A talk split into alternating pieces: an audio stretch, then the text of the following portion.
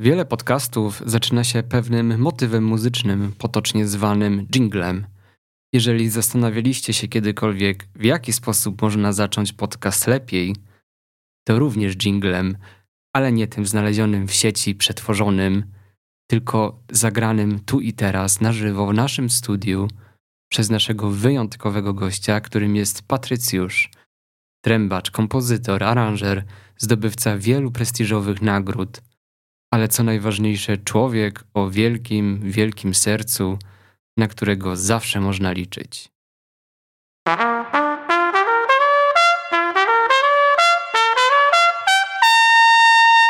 Nie wiem, czy to w sumie dobrze, że to powiedziałem, bo teraz to zamiast ofert koncertowych będziesz zostawał telefony w środku nocy, czy ktoś ci, czy możesz pomóc zmienić komuś koło w samochodzie na trasie. Otworzę kącik porad sercowych. No bardzo ci dziękuję, jestem wzruszony y, na te słowa.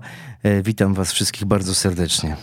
Bardzo się cieszę, że możemy w ogóle tutaj się spotkać, nagrać podcast, y, którym będziemy trochę rozmawiać o muzyce, tak się zastanawiałem, czy, czy w ogóle można o muzyce rozmawiać, czy, czy właściwie to nie jest taka przestrzeń, że, że tutaj nie ma o czym rozmawiać. To, co zagrałeś, to właściwie mógłbym zakończyć ten podcast i moglibyśmy już to wszystko zostawić, ale bardzo mnie zawsze ciekawiło, czy właśnie muzycy rozmawiają o muzyce.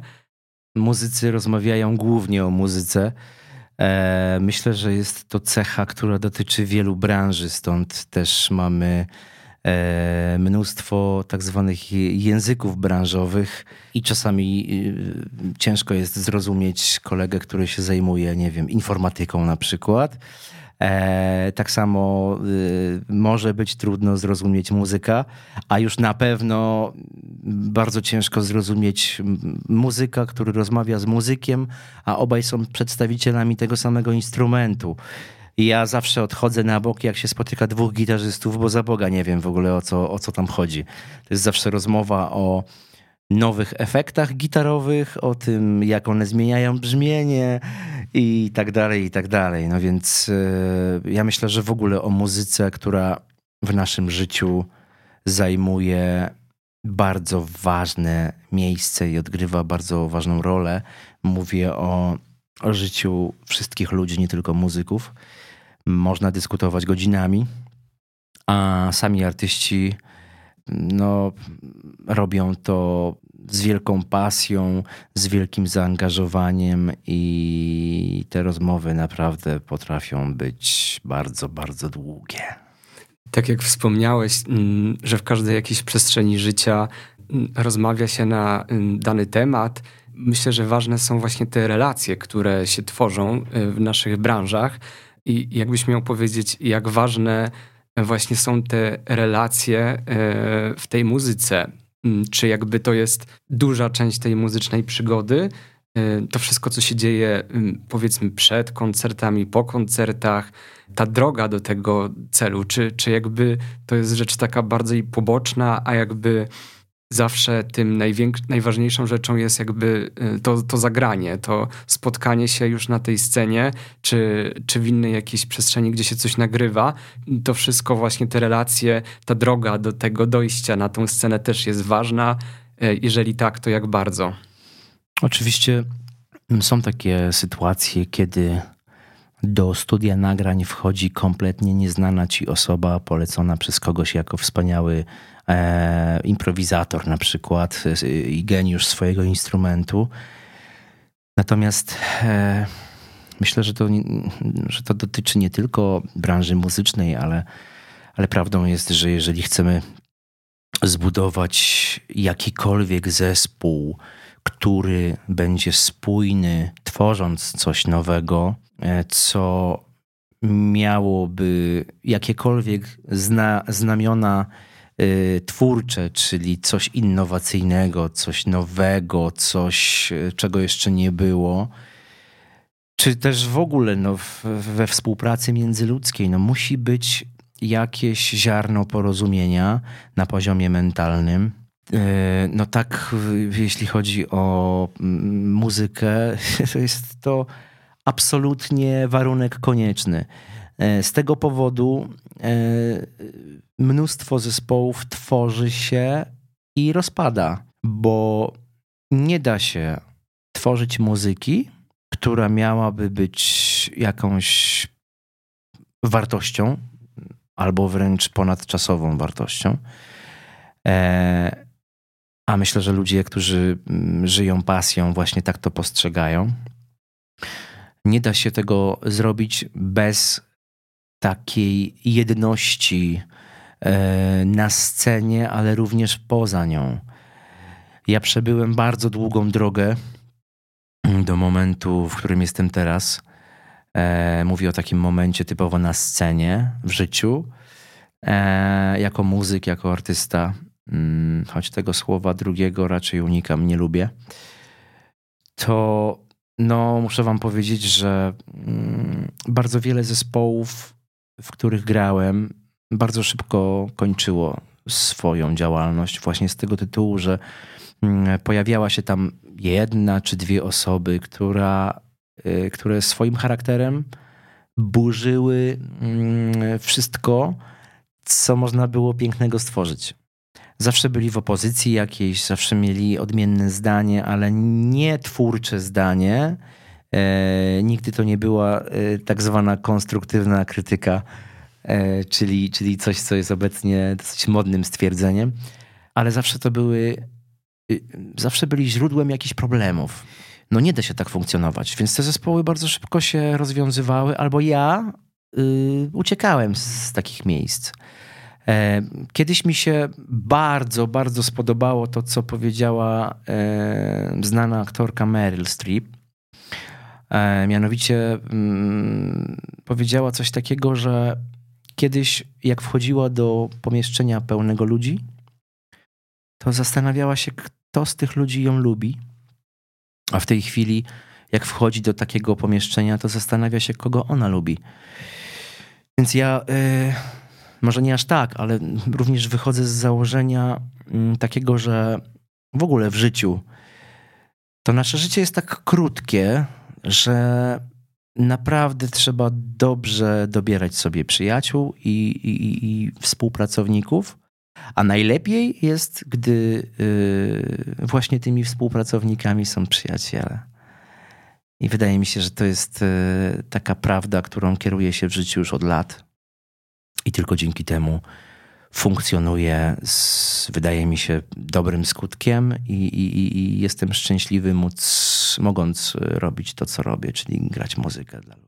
To jakbyś miał powiedzieć, co robisz teraz, w tym momencie, gdzie jesteś, w jakim punkcie tej swojej muzycznej przygody, z kim grasz, jaką muzykę tworzysz, co dla ciebie jest największą wartością w tym momencie. Ale tak konkretnie yy, z kim personalnie, tak? Jeśli możesz powiedzieć, to oczywiście. Tak, no, oczywiście. Yy, od lat prowadzę swoje trio jazzowe ze Zbyszkiem Lewandkiem Lewandowskim, którego po prostu uwielbiam. Jest to mój przyjaciel. Y, jak nie gramy dłużej niż miesiąc razem, to po prostu za sobą tęsknimy. E, oraz z Kajetanem Galasem, z którym też y, mam niesamowity y, przepływ dobrej energii. No a oczywiście oprócz tego, że są świetnymi kompanami, to wybitni, naprawdę wybitni e, muzycy.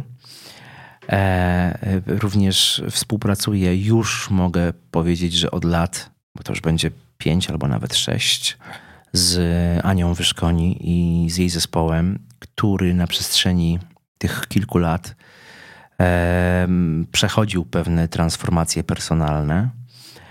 E, w tym momencie to skład, który mm, no moim zdaniem bardzo dobrze funkcjonuje, bardzo dobrze działa, zarówno y, muzycznie, jak i mentalnie, co podkreślę raz jeszcze dla mnie zawsze jest najistotniejsze. No, oprócz tego jestem sporadycznie e, zapraszany do różnych projektów w momencie, kiedy trzeba zagrać na przykład jakieś nutki e, napisane przez kompozytora bądź aranżera, ale również e, w odpowiednich momentach e, improwizować, czyli dać troszeczkę więcej od siebie. Bardzo to lubię, bo są to wyzwania, mm, czasami dosyć spore, bo trzeba taki materiał mm, odpowiednio przygotować, dobrze zagrać. I ma to dla mnie szczególną wartość również z tego tytułu, że zwykle tego typu e, koncerty zdarzają się jednorazowo. Czasami się powtarzają, powiedzmy jednokrotnie czy dwukrotnie, ale, ale jest to coś, co mm, nosi pewne znamiona ulotności. E, no w ogóle w, no, w, w, tym fachu i w sposobie, który, który e, stosuje, czyli głównie improwizacja na scenie. No to w ogóle fajne jest to, że e, takiego koncertu nie da się w 100% powtórzyć raz jeszcze. Jest to tak unikatowe, że zawsze zapraszam słuchaczy, widzów do tego, żeby odwiedzili taki, takie, takie miejsca, w których gramy przynajmniej dwukrotnie, bo każdy koncert się znacząco różni od poprzedniego. No i tutaj też warto wspomnieć o tym, że odpalam za chwilę projekt solo. Projekt, o którym marzyłem już kilka lat. Konkretnie jest to mm, koncert w ciemni, czyli taki koncert, w którym, mm, na który zapraszamy osoby niewidome oraz widzące, po to, żeby tym pierwszym mm, dać poczucie tego, że w tej konkretnej sytuacji, w tym konkretnym momencie wyrównujemy szanse wśród słuchaczy. No, chciałbym, żeby osoby niewidome miały przez ten moment świadomość tego, że wszyscy na tej sali są tacy sami. Czyli, czyli mają odebrać ten koncert w sposób konkretny, e, w sposób bardzo szczególny, a z kolei osoby, które widzą na co dzień, e, chociaż na moment będą mogły zatopić się w świecie e, osób niewidomych. Czyli, czyli odcinamy totalnie zmysły, które mogłyby przeszkadzać w odbiorze muzyki. Ja jeszcze do, do, dodatkowo e, przestrajam trąbkę i flugelhorn do częstotliwości 436 bądź 432, to w zależności od sali, po to, żeby ta muzyka otarła się o mm, częstotliwość relaksacyjną. No i no tam już w ogóle daje 100% z siebie, bo jest to czysta improwizacja, czyli coś, co się absolutnie nie ma prawa już nigdy więcej w takiej formie i w takiej odsłonie powtórzyć, bo tutaj każdy koncert będzie zupełnie inny. E, pomimo iż e, stworzyłem jakieś tam szablony tematów, które będą się oczywiście powtarzały. W planie mam też e, nagranie płyty, które lada moment nastąpi. Ale no, gdybym miał powiedzieć o tym, co głównie muzycznie w tej chwili się dzieje w moim życiu, to tak jest to zespół Patrycjusz Groszecki Trio, z którym gramy regularnie koncerty. Jest to zespół e, Ani Wyszkoni, z którym uwielbiam koncertować. E, I jest to ten projekt solo, który jest bardzo, bardzo osobisty dla mnie, bardzo ważny. I chcę w każdym z tych zespołów, ale, ale w tym projekcie solo przede wszystkim dać ludziom jakieś takie niepowtarzalne e, wrażenia, które, które zostaną z nimi na długo. Więc wymyślam, mm, próbuję, e, sprawdzam zarówno te miejsca, w których będę za chwilę grał, jak też konkretne frazy, e, wybrzmienia. Tam, gdzie będzie fortepian, na przykład na sali, mm, zamierzam go wykorzystać, grając e, z czary bez, bezpośrednio w struny, które wtedy niesamowicie rezonują i tworzą tak naprawdę akompaniament. Niewykluczone, że użyję też e, pewnych efektów typu reverby, żeby na salach, które naturalnie nie mają wielkiego pogłosu, dodać e, do tych dźwięków pewnej przestrzeni. I no, jest to bardzo osobisty projekt. Mam nadzieję, że wszystkie moje założenia e, uda mi się spełnić i faktycznie ludzie dostaną taki moment wytchnienia w tej, w tej naszej zabieganej codzienności. Brzmi to niesamowicie. Ta inicjatywa właśnie, żeby połączyć te osoby, które są niewidome i te, które widzą na co dzień, żeby stali się chociaż na chwilę taką jednością. Już kiedyś y, miałem możliwość przeprowadzenia podobnego projektu z uczniami szkoły muzycznej. Ja nie wiem, czy nie grałeś tam wtedy. Był to koncert dla osób niesłyszących. W Legnicy, w bibliotece miejskiej, gdzie mm, jest drewniana podłoga w 100% w tej akurat sali koncertowej, e, postawiliśmy zestaw perkusyjny, czyli stopa, werbel, blachy i tak dalej. E, zaprosiliśmy osoby które nie słyszą. Usadziliśmy ich e, bardzo blisko e, tego zestawu perkusyjnego i oczywiście oprócz perkusisty grały jeszcze dzieci, które grają na instrumentach dętych. Blaszanych, drewnianych. Zasada była taka, że podchodziliśmy do tych osób. One były wcześniej mm, poinformowane przeze mnie, że że mają, jeśli tylko mają ochotę, to mogą dotykać tych instrumentów. Mogą się do nich przybliżać. Oczywiście y, na dzień dobry wszyscy musieli, bo to był warunek przeżycia tego koncertu w pełni, ściągnąć obuwie. Więc y, wibracje z perkusji szły po podłodze, a z kolei z czarami trąbek, puzonów, saksofonów, klarnetów podchodziliśmy do każdego z nich E, każdy w momentach, kiedy grał swoje solo, bo to była muzyka e, rozrywkowa, którą na bazie znanych tematów przygotowaliśmy wcześniej, e, podchodziliśmy do tych ludzi. No, słuchajcie, odbiór był niesamowity. Ci ludzie migali do siebie. Ja tylko mogłem się domyślać z, z mimiki ich twarzy, o czym rozmawiali.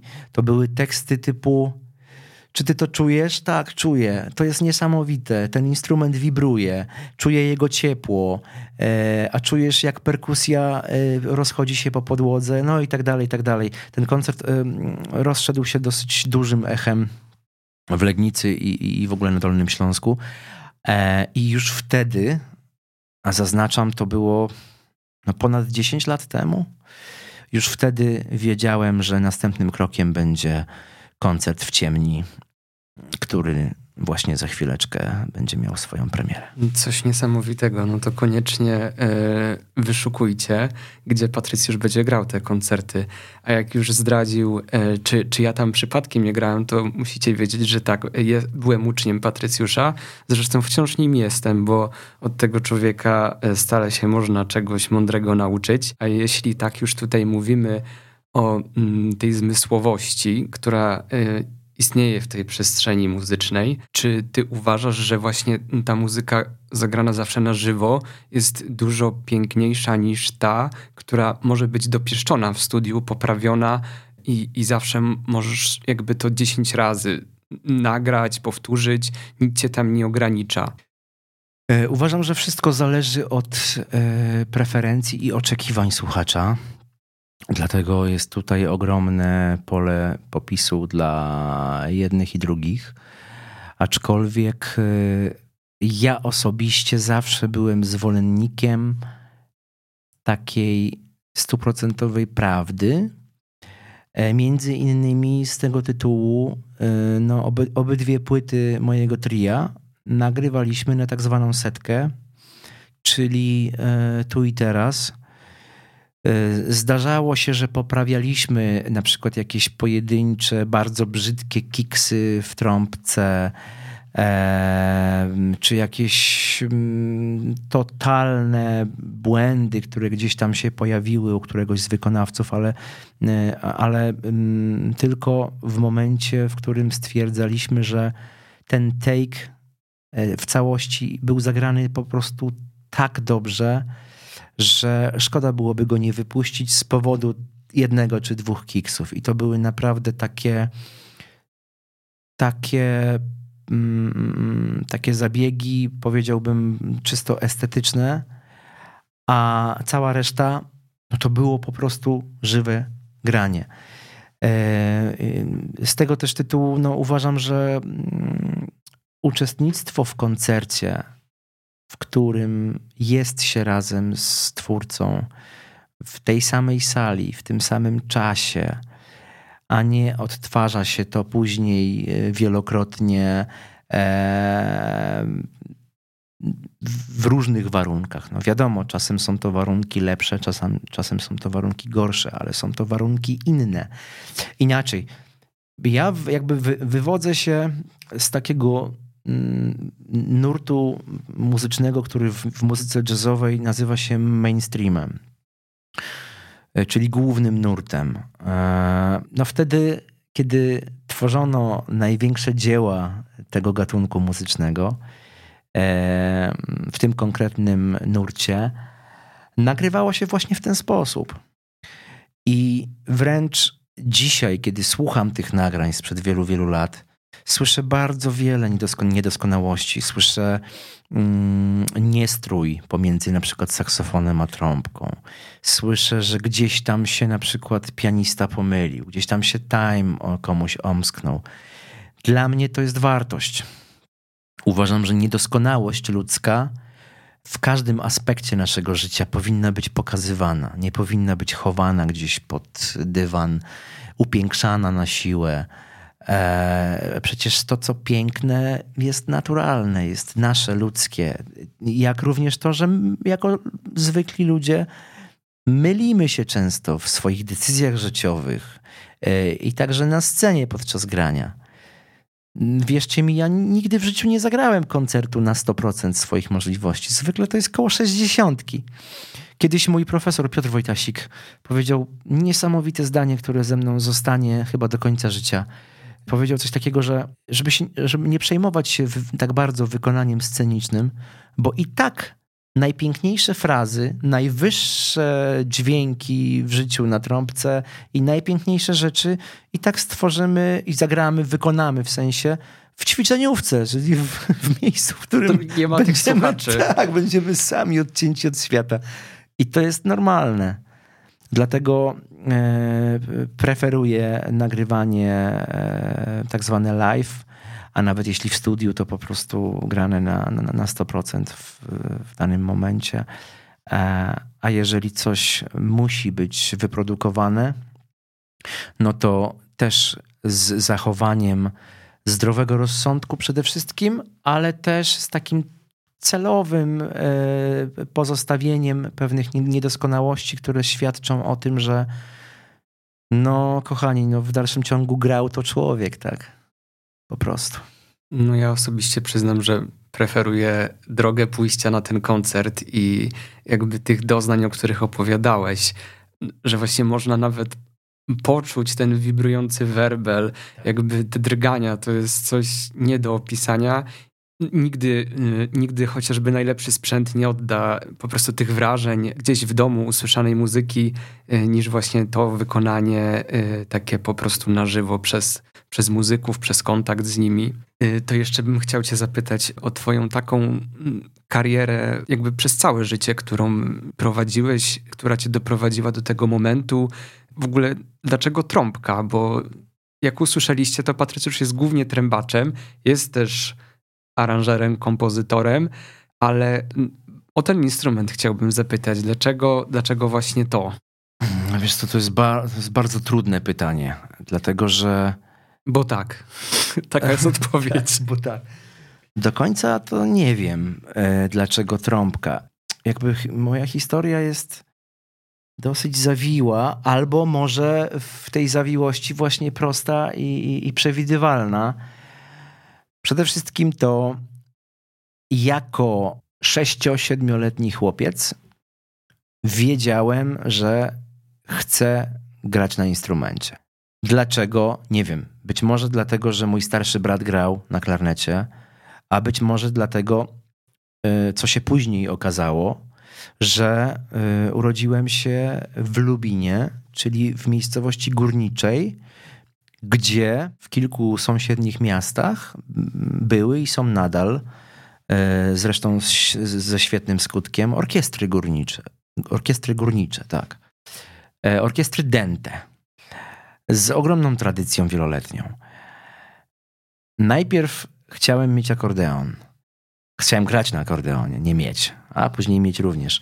Tak długo suszyłem rodzicom głowę, że w końcu zapisali mnie do szkoły muzycznej, do świetnego pedagoga, e, pana Kwiatkowskiego, który wówczas uczył tam gry na akordeonie.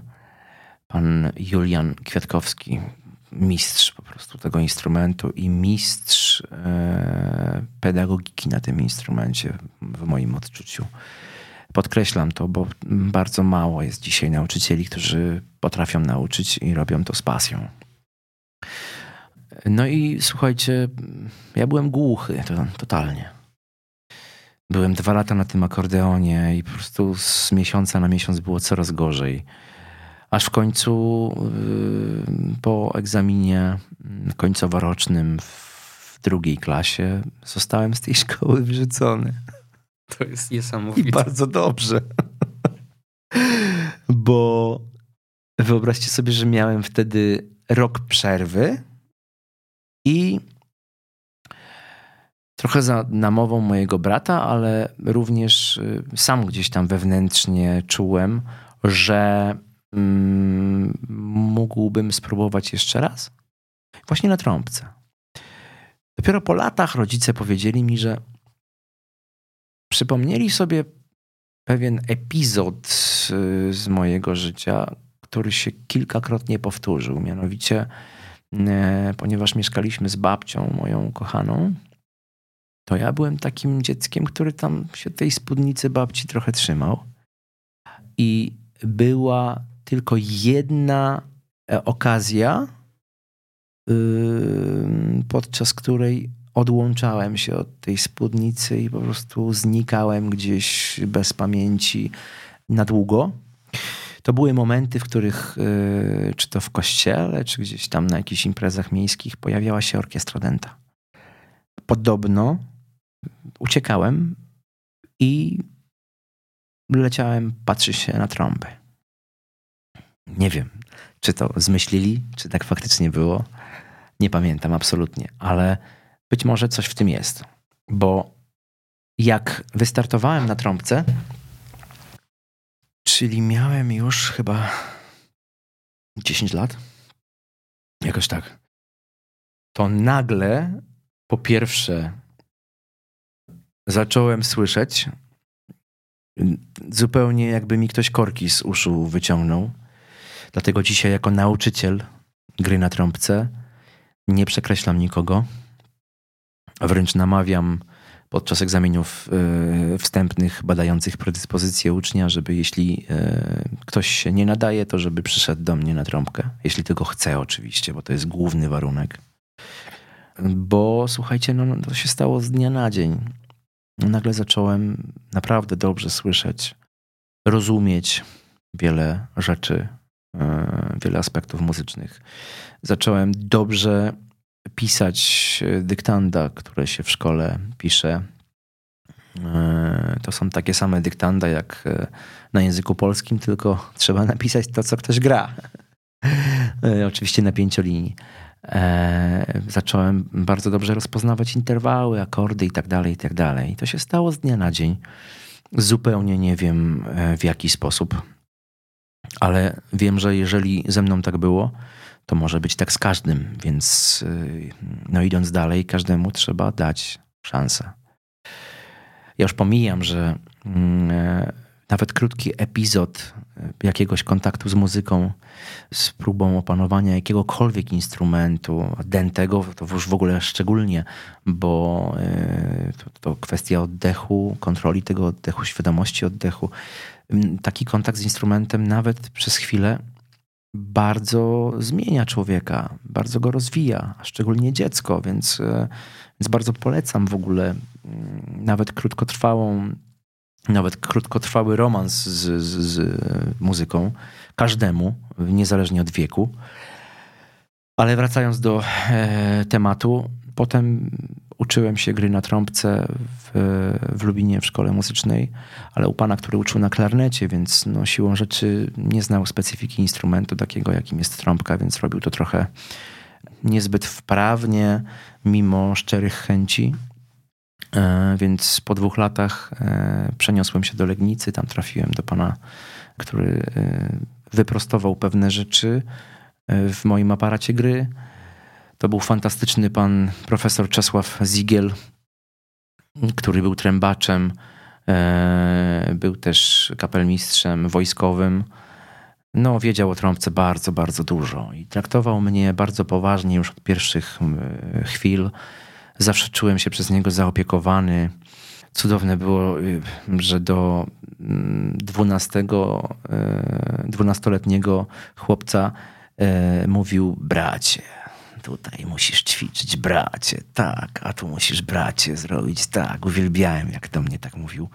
Bardzo mnie to nakręcało pozytywnie na ćwiczenie i na granie w ogóle na instrumencie. I tak, i tak miesiąc w miesiąc, rok w rok ten romans z trąbką się umacniał, pogłębiał. Dzisiaj jest, jest to już wielka miłość. Chyba zgubiłem wątek. Ja bym tak podsumował może. Najważniejsze to, co powiedziałeś, to, co ja usłyszałem, to, że na pewno warto walczyć o marzenia. Nawet jak cię ktoś po prostu ze szkoły wyrzuci, to... Tak, to prawda.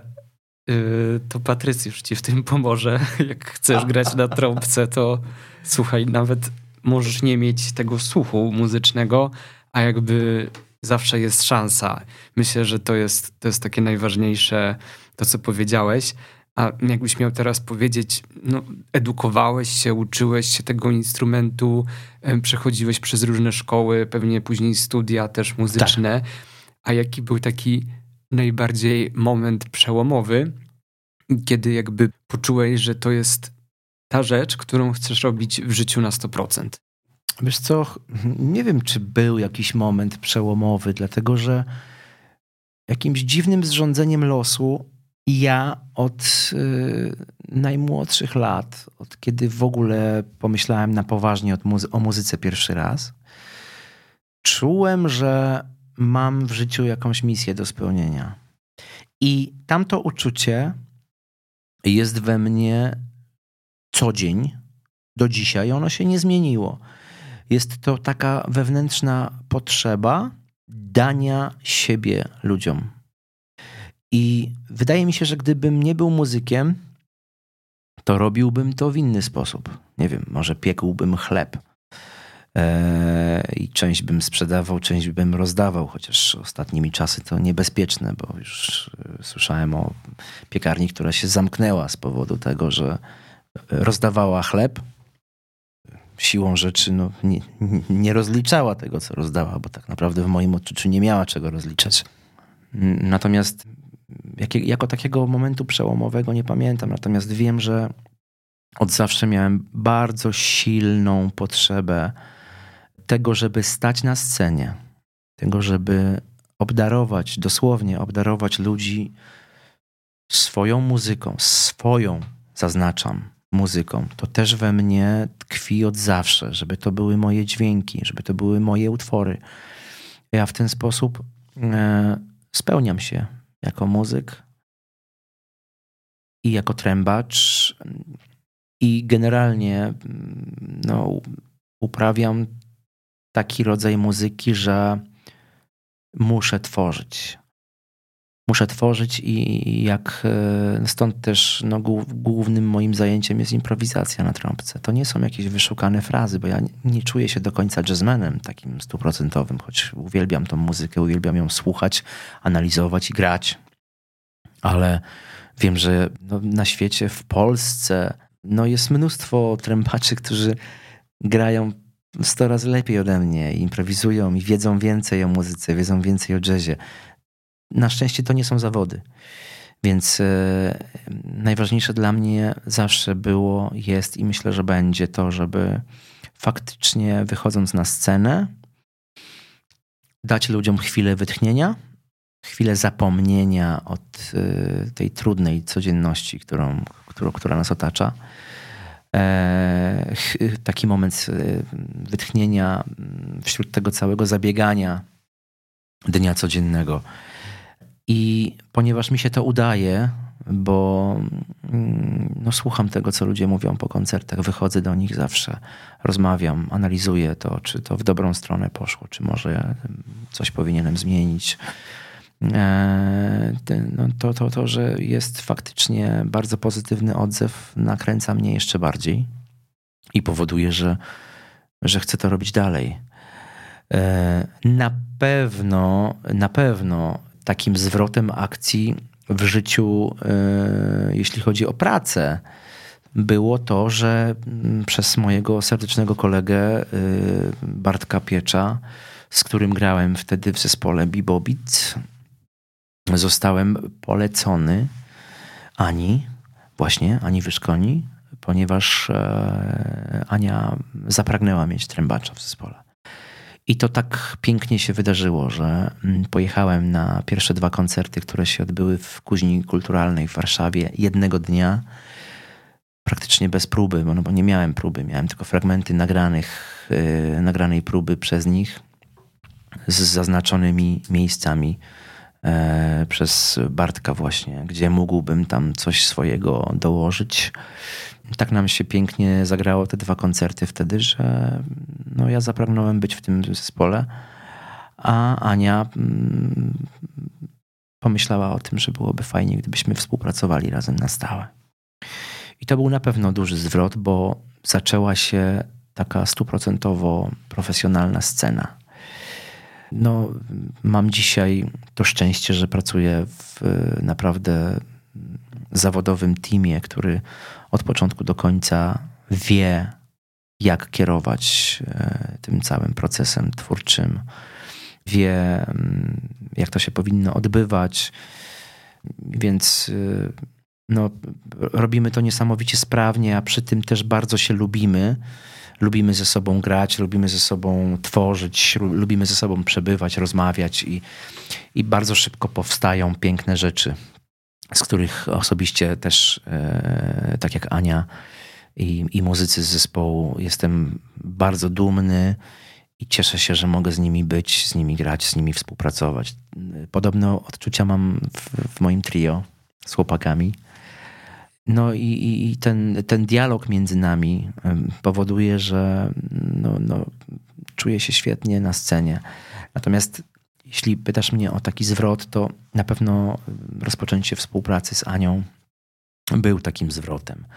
Może niekoniecznie muzycznym, ale, ale życiowym, który dał pewną, pewien spokój, pewną stabilizację. Tak, ale to, co cię do tego doprowadziło, to wciąż są te relacje, które nawiązałeś wcześniej w innych zespołach i jakby te przyjaźnie i tak naprawdę to, o czym mówiłeś na samym początku, że bez tego dobrego, zgranego teamu to jakby nie pójdziemy dalej. Tak, to zawsze było kluczowe w moim odczuciu i jeśli miałbym dzisiaj komukolwiek doradzać, choć nie cierpię tego robić. Ale właśnie chciałbym zadać takie pytanie, co byś powiedział takim mm, osobom, które marzą trochę o swojej takiej karierze muzycznej, e, może gdzieś e, uczą się dopiero albo wręcz chcą się nauczyć, czy to grać na instrumencie, czy śpiewać, to jakby co, co jest w tym wszystkim najważniejsze? Moim zdaniem trzeba w życiu postawić na dobre, zdrowe relacje. Nie wolno ciągnąć za sobą ludzi, którzy są toksyczni, którzy sprowadzają nas po prostu do parteru, e, chyba że są to mądrzy ludzie i sprowadzają nas do parteru w mądry sposób, wtedy, kiedy potrzebujemy tego. Bo tacy ludzie są niezmiernie potrzebni, ale to, to, to są również ludzie, których zaliczam do grona pozytywnych,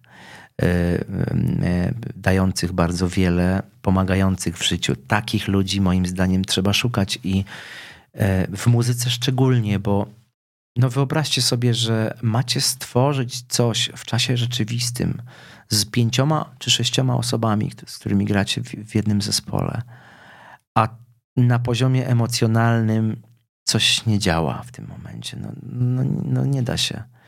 Ja w ogóle wątpię w to, że cokolwiek kreatywnego da się w życiu stworzyć z, z ludźmi, którzy nie nadają na tych samych falach. No być, może, być może krótkotrwale tak, ale generalnie moim zdaniem najważniejsze to jest w życiu to, żeby no niezależnie od tego, jaką profesję się, się ma, otaczać się ludźmi, którzy cię wspierają, rozumieją, którzy też e, znają Twoje słabe strony i, nie, nie, nie, robią z nich jakiegoś, jakiejś pożywki dla siebie, e, tym samym lecząc swoje kompleksy. E, ale otaczanie się właśnie takimi ludźmi, którzy pomimo Twoich wad akceptują Cię takiego, jakim jesteś i, i, i wspierają na każdym etapie tej, tej drogi i wspólnej pracy. No to, to jest absolutna podstawa. Ja już od bardzo dawna kieruję się y, taką zasadą w życiu i myślę, że dzięki temu jestem tutaj, gdzie jestem i, i, jestem z tego bardzo, bardzo szczęśliwy. Z tego powodu jestem bardzo szczęśliwy. To ja jeszcze dodam, Patryc już wspomniał, że właściwie to są lepsi jazzmeni, lepsi muzycy. On po prostu jest skromnym człowiekiem, bo sam jest autorem dwóch albumów, które zostały e, albumami roku w bardzo prestiżowych konkursach. Także zachęcam Was do odszukania tych dwóch autorskich albumów. Myślę, że no najlepiej to poznacie Patrycjusza właśnie przez, e, przez muzykę, którą napisał, którą zagrał razem ze swoimi przyjaciółmi. I zachęcam Was do śledzenia też mm, tego, gdzie i z kim gra, z Anią, z Triem czy koncertów solowych, bo myślę, że e, niezależnie od tego, kto jest fanem jakiej muzyki, to przeżycia na tych koncertach, y, mając na scenie takiego muzyka jak Patrycjusz, są na pewno niezapomniane. No na pewno przeżywanie muzyki na żywo, tu i teraz, niezależnie od tego, jaki by to był wykonawca, e, jest czymś niepowtarzalnym. E, I dlatego też zapraszam Was wszystkich na przede wszystkim, przede wszystkim na koncerty, w których oczywiście biorę udział. Będzie mi bardzo miło Was zobaczyć. Bardzo Ci dziękuję za tą rozmowę. Dziękuję pięknie. Mam nadzieję, że takich odcinków będzie więcej, takich rozmów z takimi wspaniałymi osobami i muzykami, e, jakim, je, jakim jest Patrycjusz. A ja bardzo gorąco zachęcam wszystkich Państwa do śledzenia podcastu prowadzonego przez mojego serdecznego przyjaciela Marcina Fetko, e, bo myślę, że mm, takich spotkań będzie dużo, dużo więcej i na pewno będą bardzo, bardzo ciekawe. Zapraszam Was serdecznie. To jeszcze na koniec, jak wstępem był jingle, to na koniec zagraj nam Patrycjusz chociaż dwa, trzy dźwięki. Bardzo proszę. Będzie to, zaznaczam, totalnie wyimprowizowana, e, wyimprowizowany fragment muzyki, którą, której, tak jak rozmawialiśmy z Marcinem wcześniej, nie byłbym w stanie powtórzyć. Chyba, że odtwarzałbym to wielokrotnie i się po prostu tego uczył. Ale tego nie robię.